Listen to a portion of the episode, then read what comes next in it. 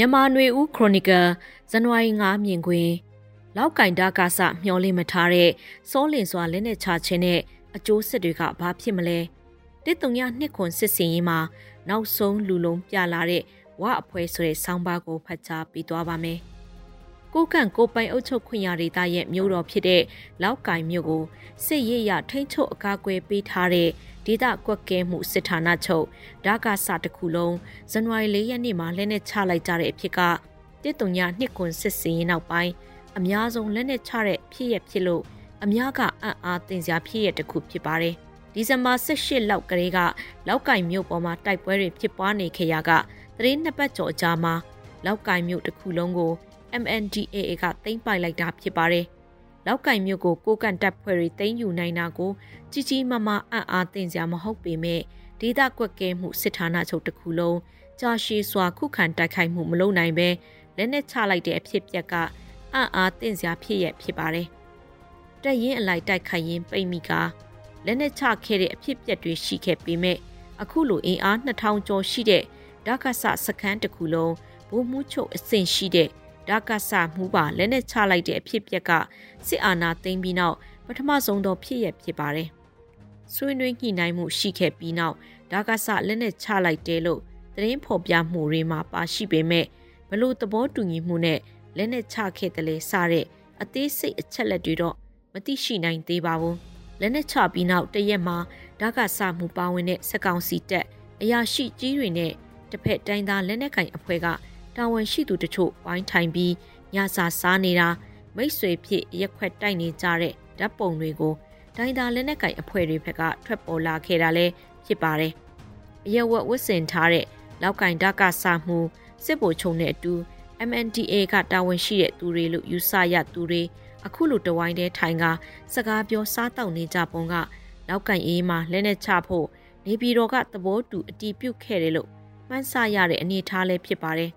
လက်နက်ချပြီးနောက်မှာစစ်အင်အား2400ဝန်းကျင်ကျော်ရှိတယ်လို့ခန့်မှန်းပြောဆိုနေကြတဲ့စစ်ကောင်စီရဲ့ဒါကာဆာတစ်ခုလုံးလက်နက်ချက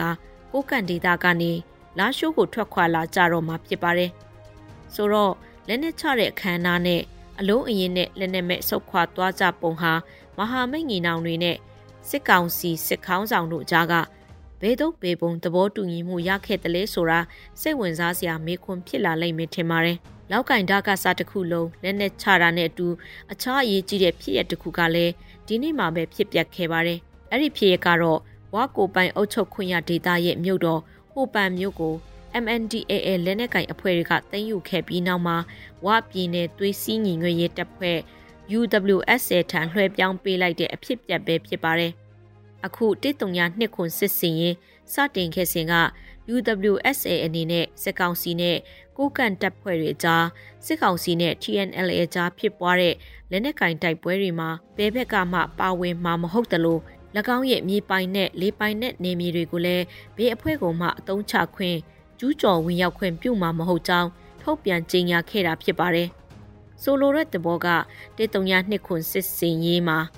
ဝါတပ်ဖွဲ့အနေနဲ့လုံးဝပတ်သက်ခြင်းမရှိတဲ့သဘောမျိုးအစအပိုင်းမှာပြသခဲ့ပေမဲ့နှစ်လကျော်ကြာပြီးနောက်မှာဟိုပန်မြို့သိမ်းယူတဲ့အခါဝါလက်နက်ကင်တပ်ဖွဲ့ကဟိုပန်မြို့ကိုဝင်ရောက်လာခြင်းအဖြစ်ဒီစစ်စင်ရေးမှာ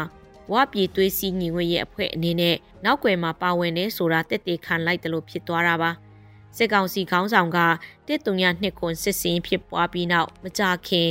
ကာလုံကိုအစီရင်ခံရမှာကိုကန်တပ်ဖွဲ့တွေ ဝါနေကိုဖျက်တမ်းပြီးချင်းရွှေဟော်ကိုဝင်ရောက်တိုက်ခိုက်ခဲ့တဲ့ဆိုတဲ့အချက်ကိုထည့်သွင်းပြောဆိုခဲ့တာကိုကြည်ချင်းအဖြစ်စစ်ကောင်စီအနေနဲ့ဝါထောက်ပံ့မှု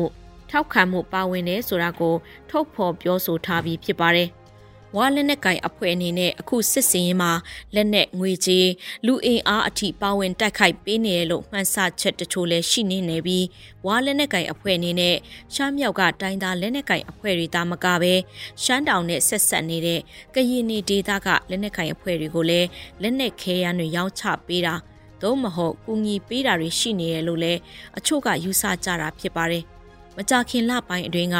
ရှမ်းပြည်နယ်ပင်လုံဒေသမှာစစ်ကောင်စီကဖမ်းဆီးလိုက်တဲ့လက်နက်နဲ့ခဲယမ်းတွေက